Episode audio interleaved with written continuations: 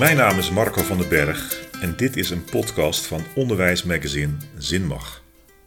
Ik ben vandaag in Zwolle.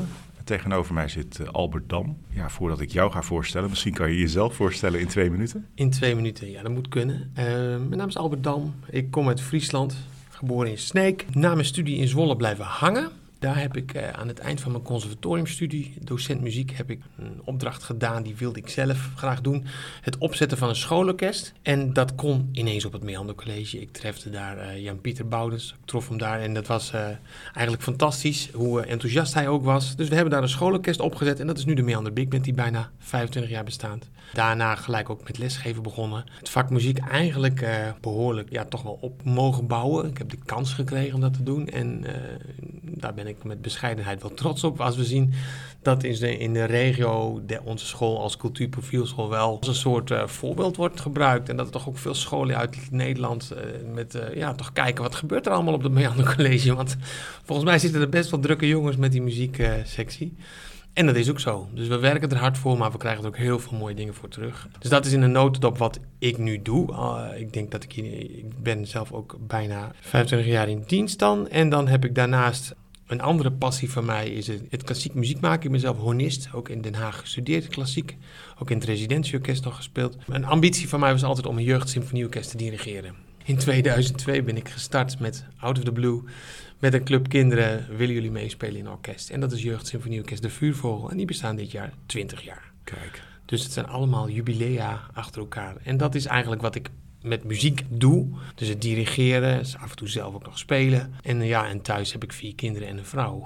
Kijk, ja. en dat is heel gezellig. Druk ook altijd. Dus in de schaarse vrije uren ben ik uh, voetbalcoach en trainer van een, het sterrenteam JO 10-5. Volgend jaar JO 11-5 van WVF. Dus genoeg nou te doen. Zeg, nou zeg. En dan woon je ook in Zwolle? Ik woon in Zwolle, in Stadshagen, ja. Oké, okay, mooi. En je zegt je komt uit Friesland. Ja. Um, in hoeverre keert dat nog terug in je dagelijks leven? Ja, hoe keert, nou, keert dat terug? Ja, ik zeg wel eens, ik ben diepvries. Weet je, als het er één keer in zit, dat komt er niet meer uit. Dat keert niet echt direct terug. Het is wel zo dat op het moment dat jij, en dat is gewoon, ja, toch het, het, het chauvinistische van al die Friesen bij elkaar. Als je Friesen onderling weer tegenkomt, Friesen om Utens, ja. dan heb je gelijk, Kijk. dan is er, is er iets. Weet je, dan is er een klik. Oké, okay, dan hoef je maar één woordje Fries te praten, dan is het alweer klaar, weet je. Dan, uh... En er zijn meer collega's die Ja, die zijn overal, dus dat is heerlijk. Dus ja. dat is wel, ach, dat, nee, daar doe ik verder niks mee. Maar dat, ja, de, de, de Friese muziekcultuur, die heb ik wel meegenomen naar Zwolle. Als het gaat om de ha Harmonie van Vader Brass Band, hè, de, de, de blaasorkesten, waar ik zelf altijd in heb gespeeld als klein kind.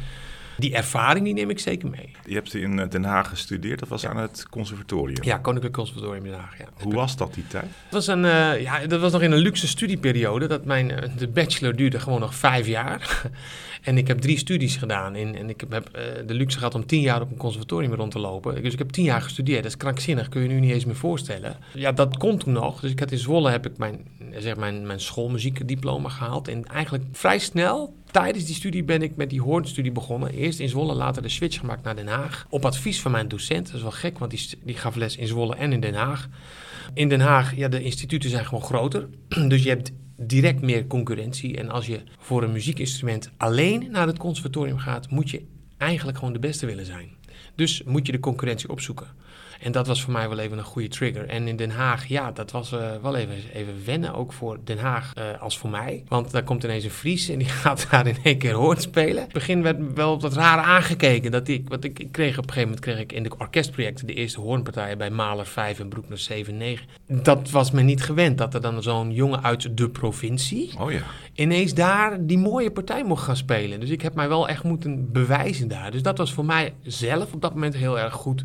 Ik moest flink aan het werk. Het kan natuurlijk ook jouw projectie zijn geweest. Dat je eigenlijk al het idee had, ik kom uit Friesland, ik heb misschien wel een nou, achterstand. Of, uh... Nee, dat is niet, nee dat, zo heb ik dat niet ervaren. Ik, hmm. ik, ik, heb het aan de lijve de randstedelijke arrogantie ervaren. Oh ja. Weet je, die, die, die is daar gewoon. En, uh, Kun je daar een voorbeeld van geven? Om het ja, in te kleuren? Uh, nou heb ik het dus wel over een periode van 20 jaar geleden. Hè? Dus dat is wel een poos terug. Maar het feit dat men direct een oordeel klaar heeft en er veel gesproken wordt over jou in plaats van met jou. Nou, dat heb ik wel gemerkt gemerkt. Ja. Zeker als, als je daar als nieuwkomer binnenkomt, je moet echt wel je, je positie veroveren daar. Geen seconde heb ik erover nagedacht om uh, daar te gaan wonen. Nee, nee, nee, Ik benijd, ik benijd de Randstad echt niet. Nee, maar goed, het is wel mooi, want je woont nu in, in Zwolle. Dat staat toch bekend als een hele warme, goede regio om te wonen en te Klopt, werken. Veel klopt. samenhang, veel betrokkenheid op elkaar. Is dat ook bijna een soort reactie dat je zegt van... Uh, toen ontdekte ik dat ik echt niet thuis hoor in zo'n stedelijke omgeving. Ik kan me daar wel goed overeind houden, dat vind ik niet heel erg. Alleen ik, ik merk gewoon dat ik het onprettig vind. Ja. Zwolle is wat je zegt, klopt helemaal. Een vriendelijke stad. Ik vind het vriendelijk altijd. En het klimaat in, uh, in die zin van cultuur en, en, en het, gewoon het welzijn hier in Zwolle vind ik best goed eigenlijk. En ook de stad zelf heeft veel te bieden. Dus in die zin ben ik best wel trots om een Zwollenaar te zijn. Ja. Hoewel ik natuurlijk Friese roots heb. Nog even over de muziek en over de muzikale vorming. Hoe is dat bij jou gegaan? Hoe was jij als kind daarmee bezig?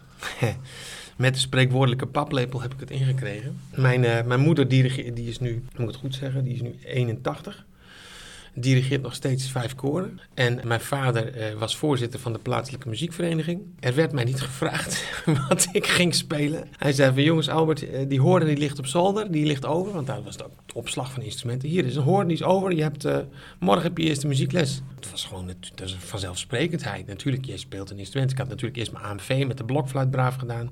En toen kreeg je een echt instrument en dat was in mijn geval de hoorn. Ik speelde dan in de plaatselijke fanfare en in het Frieskeurd Symfonieorkest. Dus ik, ik, snoepte wel van alle kanten wat mee van die muziek, maar ik wilde eigenlijk meer.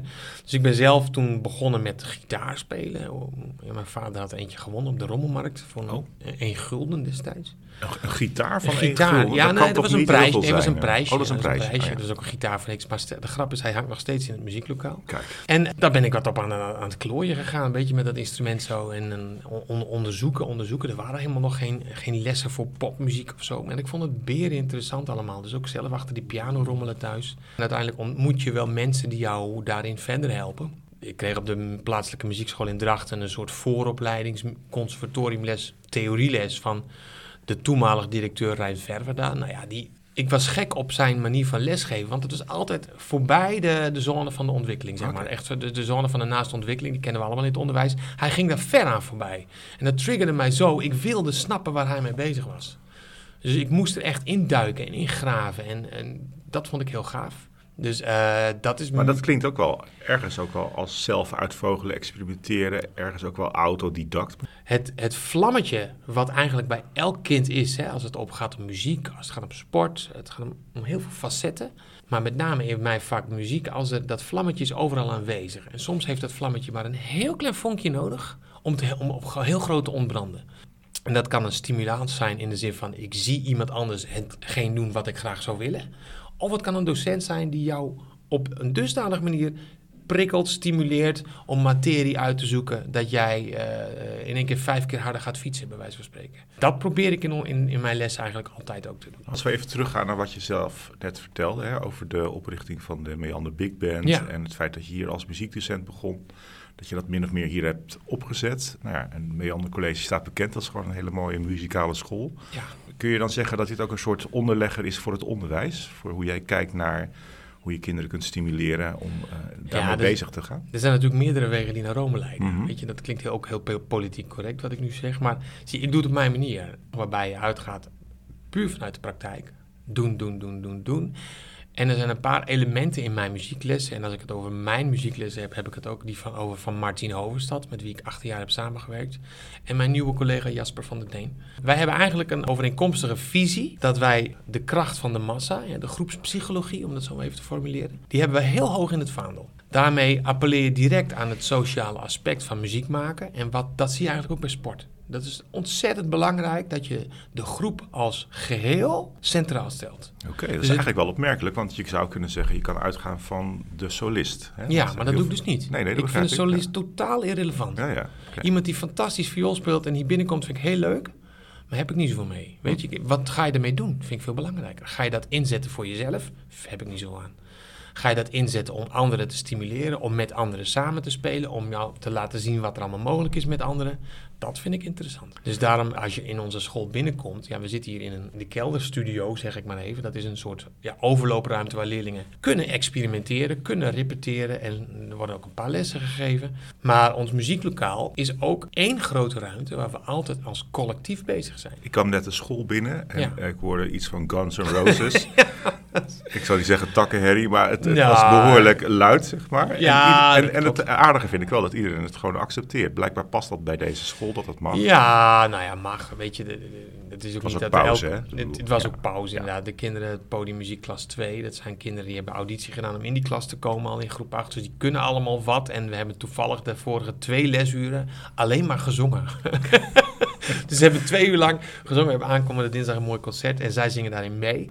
Dus die, die moesten even ontladen. Mogen we even nu op de instrumenten? ja, ja, ja, maar goed, om even terug te komen op je punt. eh, Dat gaat altijd vanuit het samen. In principe in de onderwijssetting die wij hebben hier, is het collectief eigenlijk altijd aanwezig. Hm. Dus ook eh, onze lessen zijn meestal frontale lessen. Groepsprocessen hebben we wel, maar dan zit er ook een hele andere praktische component aan. Als je bij muziek groepsprocessen wil organiseren, dan ontkom je er niet aan dat je studio's nodig hebt. Ja, die hebben wij dus niet. We hebben één grote studio ernaast. Oké, dat is daar zitten we nu. Maar voor de rest is er niet een mogelijkheid om een klas in zes groepen op te delen. En ga nu maar experimenteren. Dat kan niet. Nee. Want je kunt niet in één ruimte met elkaar met geluid bezig zijn. Dat gaat dan door elkaar heen en dan wordt Ja. iedereen knettergek. Vaak wordt in het onderwijs gesproken over kruisbestuiving, ook verschillende disciplines die elkaar natuurlijk weer stimuleren als het ware. Als je kijkt naar muziek, wat heeft, het muziek, wat heeft muziek dan als toegevoegde waarde voor het overige onderwijs op school? Ja, dat is ook altijd een mooie discussie. Is dat muziek in dienst van of is het een doel op zich? nou ja, goed, dat is zeker. Zie je Ja. natuurlijk, eh, je kunt je afvragen waarom wordt er überhaupt muziekles aangeboden op school? Heb je toch niks aan? Ja, ja. Je kan honderdduizend redenen verzinnen waarom, het, waarom je er wel wat aan hebt. Maar ja, die vraag kan je ook voor andere vakken stellen. Wat, je, wat heb je eraan? Hè? Het kind in kwestie weet vaak nog niet wat hij eraan heeft op het, op het moment zelf. Dat kunnen ze vaak pas achteraf zeggen. Nou ja, als je dan even in dienst van gaat beantwoorden, wat is de functie van muziek in dienst van de rest? Dan hebben we het gewoon puur over bildung, vorming, hè, het welzijn van de kinderen.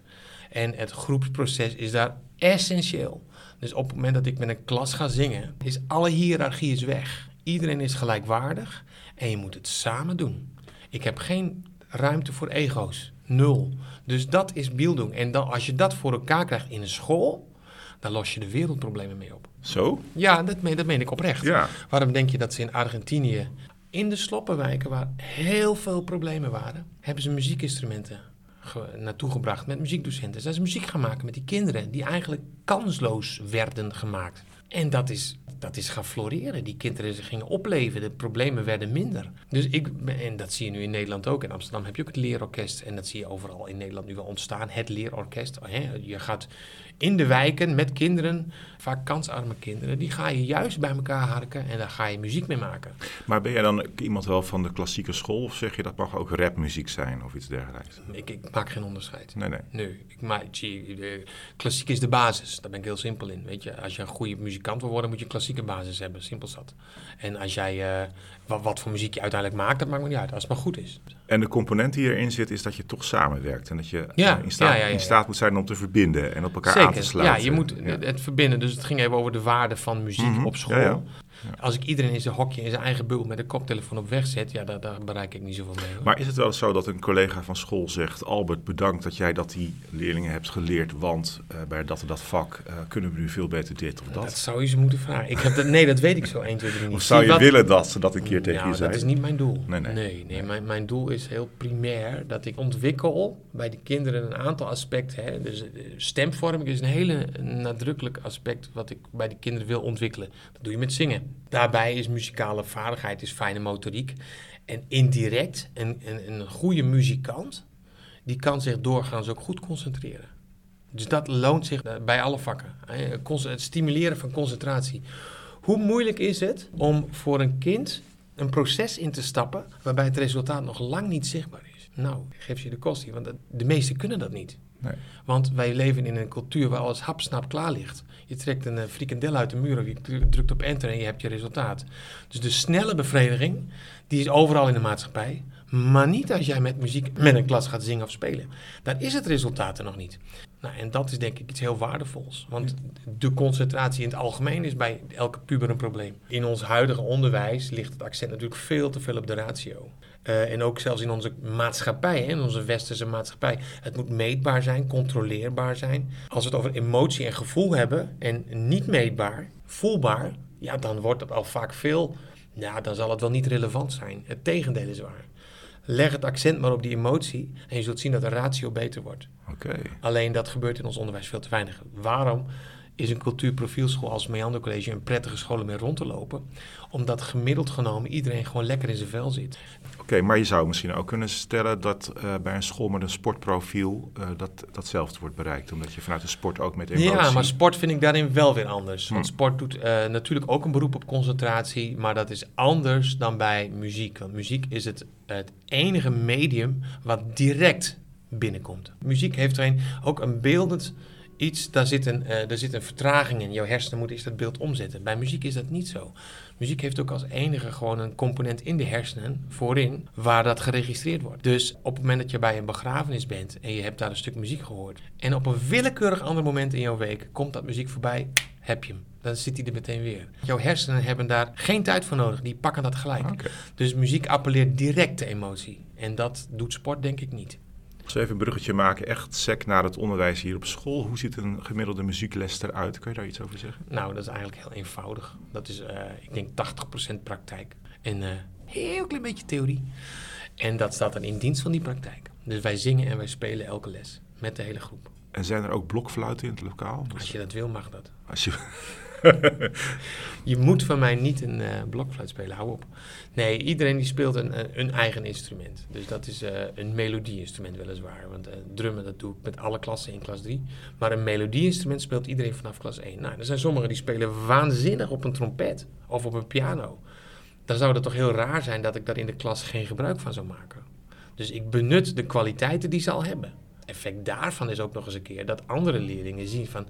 Wow, die kan het goed, dat wil ik ook. Ja, oké. en dat, zet is, dan weer Dat is fantastisch. Weet je, dat vind ik altijd een, uh, een cadeautje. Als er leerlingen zijn, bij, met, is het meestal bij drie maanden verder, Sinterklaas. Ik heb van Sinterklaas een keyboard gekregen. Ja, dat vind ik fantastisch. Weet je, dat je, ja. de grootste docenten in ons vak, dat zijn de leerlingen zelf als leerlingen van elkaar zien wat er mogelijk is. Daar, daar, kan geen docent tegenop. Ja, nou ja, dat zag je net wel even. We stonden heel even bij een soort jam te kijken. En Ze mhm. speelden een nummer. En dan zie je toch dat er naar elkaar wordt gekeken. En op elkaar wordt gelet. En hoe gaat hij likken, ja. en uh, et cetera. Ja, dat is fantastisch. Dus ik zou natuurlijk de oude koppige docent kunnen zeggen... Jongens, naar buiten, pauze, stoppen. En tegelijkertijd denk ik dat ook. Aan de andere kant... Ja, want je had dop in je oren, laten we eerlijk zijn. Tuurlijk, ik doe dop in mijn oren. Dat heb ik natuurlijk niet, voor reden, niet zonder reden. Maar ik zie op dat moment ook wat, er, wat voor processen er gaande zijn. Dat is, dat is mijn ervaring in het onderwijs. Ik zie dat er leerlingen bij staan die echt met, met, ja, met de tong op hun knieën bijna kijken voor wat die jongen met die gitaar uitspookt. Ik denk van, dat is mooi. Ja. Weet je, dat nou ja, mag ik een voorbeeld geven uit mijn eigen leven? Ik heb zelf ook jonge kinderen en twee daarvan, een tweeling, zitten nog op de middelbare school. En zo'n beetje het enige wat ik terugkrijg van wat ze op school hebben gedaan is... we hebben in de pauze uh, in het muzieklokaal met elkaar zitten jammen. Dus ik kom hier binnen en ik zie dat. En ik denk, nou ja, natuurlijk, ik begrijp ja, maar dat. Is, dat, dat moet je ook... Ja. Weet je, en dat is het mooie van zo'n kelderruimte ook. En ik hoorde net de deur alweer gaan, want het is pauze. En ze staan nu aan de deur te klingelen van, eh, mogen we erin? Ja, ja. Nou ja, dus nu zitten wij erin, dus kan het even niet. Maar... Nee. Ja, dat is een natuurlijke drive. Weet je, het is een speeltuin, zeg ik ook wel eens. Dat muzieklokaal van ons is eigenlijk één grote speeltuin. Want die kinderen die zien er allemaal fantastische dingen. Het is het, met muziek is hetzelfde als sport. Leg een bal neer en er wordt tegenaan geschopt. Zet een trommel neer en ze slaan erop. Dat is een, dat is een natuurlijke reactie. Ja, je moet het wel aanbieden en je moet wel de faciliteit hebben. Je, tuurlijk. Ja. En je moet ook wel een idee hebben, wat ga ik ermee doen? Je kunt niet zeggen van, oké, doe maar wat. Weet je, dat ja, ik vind het een mooi bruggetje naar eh, de volgende vraag. Want bedoel, we zitten hier op een school die dat heel erg heeft geadopteerd als, nou ja, muziek is iets van ons. Er zijn natuurlijk nog veel meer middelbare scholen waar dat misschien beter zou kunnen. Maar die niet direct zeggen, daar gaan we een soort profiel van maken. Hoe zou je dan wel adviseren om daarmee aan de slag te gaan? Wat kan er op elke school in Nederland beter als het gaat om muziekonderwijs? Ik denk dat de grootste valkuil voor heel veel collega-docenten, maar dat is een aanname die ik nu doe, uh, is dat men bang is om te zingen. Bang om te bang zingen? om te zingen met de klas. Ja, de angst om met een klas te gaan zingen omdat de klas misschien wel protesteert. Of omdat de klas, kunnen we nu eens een ander liedje gaan doen. Of om weet ik veel wat. En de valkuil is uitgaan van de belevingswereld van de kinderen. Dat doe ik dus niet. Op het moment dat je uitgaat van de belevingswereld, of denkt uit te gaan van de belevingswereld van kinderen, dan kom jij punt 1 in een wereld die niet van jou is. Punt 2 is het een aanname dat jij weet wat de belevingswereld is van die kinderen. En punt 3, als je al in die wereld gaat rondzwemmen, krijg je nooit het, resultaat, het beoogde resultaat wat het kind zelf heeft. Dus het zijn allemaal teleurstellingen. Wat ik doe, ik neem ze mee naar mijn belevingswereld. En die kennen zij niet. Misschien zijn er soms wel raakvlakken, soms niet. Maar ik, doe, ik zet mijn eigen traject uit. Ik kies mijn eigen liedjes. Ik neem ze mee in dat proces waarbij ik ze beloof, als jij doet wat ik zeg, wordt het resultaat goed. Punt. En als je dat durft te stellen als docent, maar dat geldt denk ik voor elk vak, ja, dan, dan wordt de kwaliteit voelbaar. En eh, elk kind heeft gigantische voelsprieten voor kwaliteit. Het staat bijna haaks op hoe tegenwoordig het onderwijs wordt aangeboden. Ja, waarbij je heel gek, erg uitgaat van intrinsieke motivatie en wat Ja. borrelt er bij jou op. Eh, Ja, dat is heel mooi, eh, mooi gedacht. Maar dat wordt van achter een bureau verzonnen. nee, dat is echt waar. Dat is een complete flauwekul. Want het is... als ik toch met een schoolkoor, klas 4, 5, 6, hebben we hier een schoolkoor. Er zijn 90 leerlingen, examenvak muziek. Doen wij een klassiek concert met ko- koor en orkest. Dan zingen ze Mozart. Dan zingen ze Bach. Misschien wel weer Mendelssohn, ik weet het nog niet. Denk je dan werkelijk dat die kinderen er zelf mee zouden komen? Natuurlijk niet. Tegelijkertijd, op het moment dat we het doen en er wordt kwaliteit geleverd, stijgen ze boven zichzelf uit en ze vinden het fantastisch. Ik vind het een goede tip en ik hoop dat uh, degenen die luisteren daar wat mee gaan ik doen. zeg niet dat je nu dus Mozart moet gaan zingen, absoluut ja, goed, niet. maar Alleen, ik denk niet dat er meteen aan gedacht wordt. Nee, nee, maar daar zit heel veel angst, dat weet ik zeker. Ja. Dat- even een ander voorbeeld. In klas 1 beginnen we eigenlijk al, nou, ik denk 20 jaar lang met hetzelfde liedje. 20 jaar lang. Bijvoorbeeld I, I, Olga of zo. ja. Dat is een heel simpel liedje, wat op de basisschool gewoon ook wel wordt gezongen. En ik doe het in de brugklas weer. Waarom? Omdat ik zie dat het werkt. Wat is het doel? Het doel is niet dat ik blij word van de liedjes die gezongen worden. Nee, het interesseert me geen moer. Ik haal mijn muzikale bevrediging niet hier uit het muzieklokaal. Het doel is dat zij verder komen met hun stem. En dat lukt met het liedje. Dus op het moment dat ik ze meeneem naar dit liedje en ik leg ze even precies uit wat moet je doen met je tong, met je lippen, weet ik veel wat Ja, allemaal. ja, ja, ja oké. En dan kom je verder. Ja, dan gaan ze brullend van met het liedje het lokaal weer uit. Dan mag je mij vertellen wat ik fout doe. Dus dat liedje, dat werkt blijkbaar. Dat is bij wiskunde toch ook zo. Doe je nog steeds hetzelfde sommetje? Ja, nog steeds hetzelfde sommetje. Waarom? Omdat het werkt. Ja. Nou, dat is bij muziek precies hetzelfde. Ja. Je vroeg net van, hè, doe je klassiek of pop? Ik heb geen onderscheid. Ik doe alles. Daar zit voor mij... Natuurlijk is er wel een scheiding ergens. Maar de onderscheid zit voor mij in wel of geen kwaliteit. Daar zit voor mij het onderscheid. En dan maakt het niet uit wat je doet. Als je het maar goed doet, wel overwogen doet. Dus inderdaad, Beatles horen er zeker bij. Ja, en als je het over mijn persoonlijke muzikale voorkeur hebt, die ik niet relevant vind. Beatles zijn voor mij, staan voor mij wel op een voetstuk. Absoluut. kijk. Maar goed, dat is Dat is al bijna Terzijde. klassieke muziek, hè, toch? Ja. toevallig dat je het nu zegt. In, eh, in klas 4 hebben we het nu over, de, in de muziekgeschiedenis over de klassieke periode. Begin eerst maar eens met definiëren, definiëren van het woord klassiek. Ja, dat is, je hebt het over een Bohemian Rhapsody, je hebt het ook over een klassieker. Maar in het klassicisme hebben we het over de periode van 1750, 1820. Ja. Dus dat is Haydn, Mozart, Beethoven. Dat is ook klassiek. Klassieke muziek, ja, iets met violen, ja, doeg. Ja, neem je Eh, de enge of de hele ruime definitie? eh. Dus, nou, er zijn meerdere varianten nog zelfs Mhm. op het woord klassiek mogelijk. Dus eh, in die zin maak ik daar echt geen onderscheid. Nee, Goede nee. en slechte muziek, dat is voor mij het onderscheid. Ja, helder. En de Meander Big Band, daar hebben jullie natuurlijk op heel veel plekken in Nederland, maar ook buiten Nederland optredens mee eh, Ja. verzorgd. Ja. Hoe belangrijk is dat voor jou op dit moment? Hoe belangrijk is dat? Het is een onderdeel van het werk, van, van de school. Ik denk dat de school zich niet... eh, al- stel je voor, we knippen nu de Meander Big Band van de school af. Ja, dan denk ik dat er gewoon een, een soort eh, een rib uit het lijf wordt getrokken. Want het, zo, zo is het wel vergroeid met de school.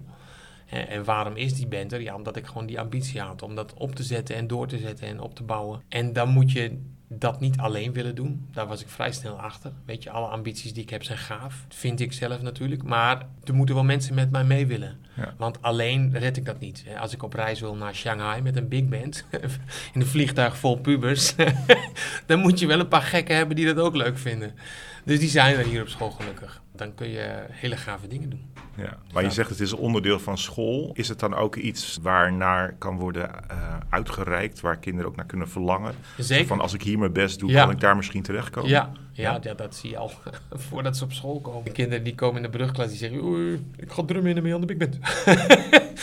nou, en dan hebben we twee big bands op school. eh, want ik zag op een gegeven moment, dat is puur praktisch, weet je. Als je op een gegeven moment die club in een bus stapt en ze zitten nog in klas 1... dan is dat... Dan ben je toch wel echt even de schoolmeester. Eh, is iedereen, je. Terwijl als ze in klas 3 zitten en ze iets beter snappen hoe het allemaal werkt, is dat wat praktischer. Dus ik heb vrij snel gedacht, er moet een soort clubje voorkomen. De junior big band hebben we vind voor klas 1 en 2. Nou, daar mag ook iedereen in, zonder enige auditie, gewoon lang leven de lol, muziek maken. En dat doet mijn collega Jasper van der Deen voortreffelijk. Dat zijn er nu ongeveer 50.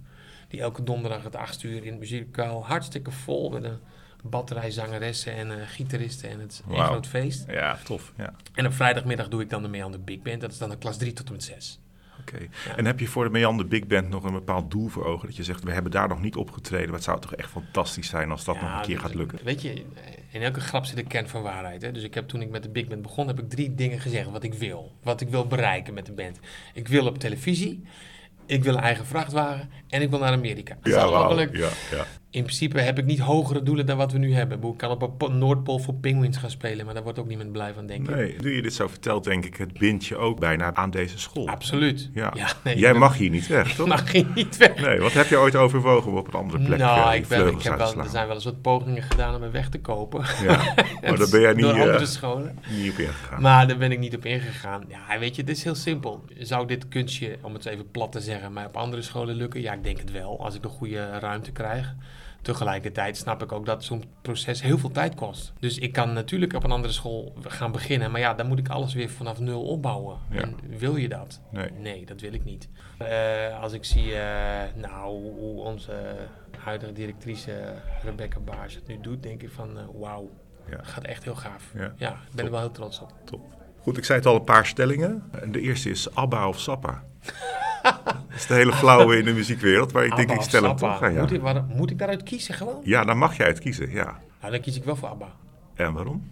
Ik, vind, ik, vind ik interessanter. Ik, ik hou van catchy songs. Dat, ik ben een beetje, ik ben, dat is misschien wel een afwijking van mij die ik van mijn vader heb meegenomen. Ik ben heel gevoelig voor PR, uitstraling.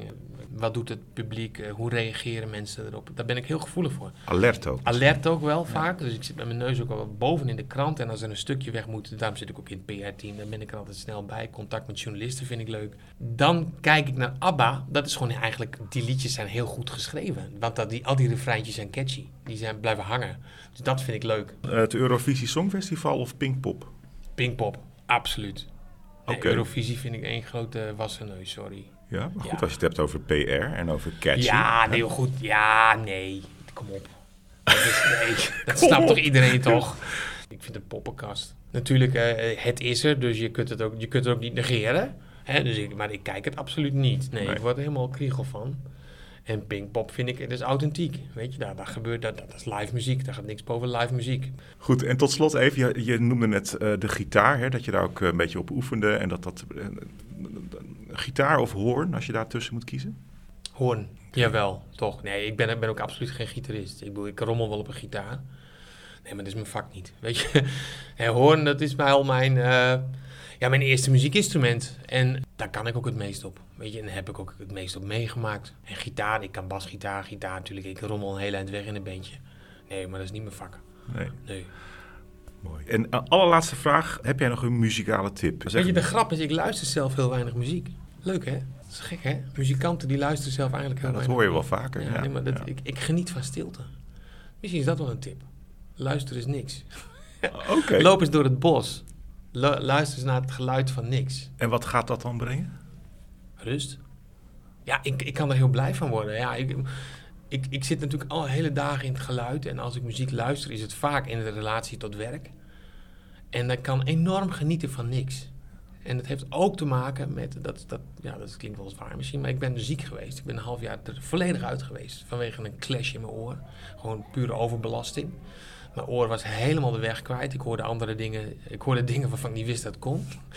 En dus ik kon echt geen les, ik kon niet eens in een ruimte zijn met meerdere mensen waar gesproken werd. Dus ik moest toen rust nemen. langzaam weer nou, toch een soort revalidatie ingaan. En daarna heb ik een soort zesde zintuig gekregen voor decibellen. Dus hoeveel decibel zitten we nu in? Dus dat, daar ben ik heel gevoelig voor. En daarom ook die doppen natuurlijk. Maar, dus dat betekent bij de Meander Big Band sta ik sowieso met doppen in. Want dat, dat is redelijk fors. Maar ik kan enorm genieten van stilte. Ja, zoek de stilte op. Ja. Ja, helder. Ik wil je bedanken voor dit mooie gesprek. Je hebt mij heel veel uh, nieuwe dingen geleerd, ook op, uh, op muziekgebied en ook wel op onderwijsgebied. Wat je vertelde over uh, ja, dat je eigenlijk ook niet direct altijd hoeft mee te gaan in dat wat een leerling zelf uh, het liefste zou willen. Maar ik denk ook, juist niet. Nee, juist ja. in deze maatschappij niet. Misschien wel een valkuil. Hè? En ook ja. wel mooi voor heel veel collega's in het onderwijs. Ja. Ik wil je bedanken en wellicht tot ziens. Tot ziens. Joe.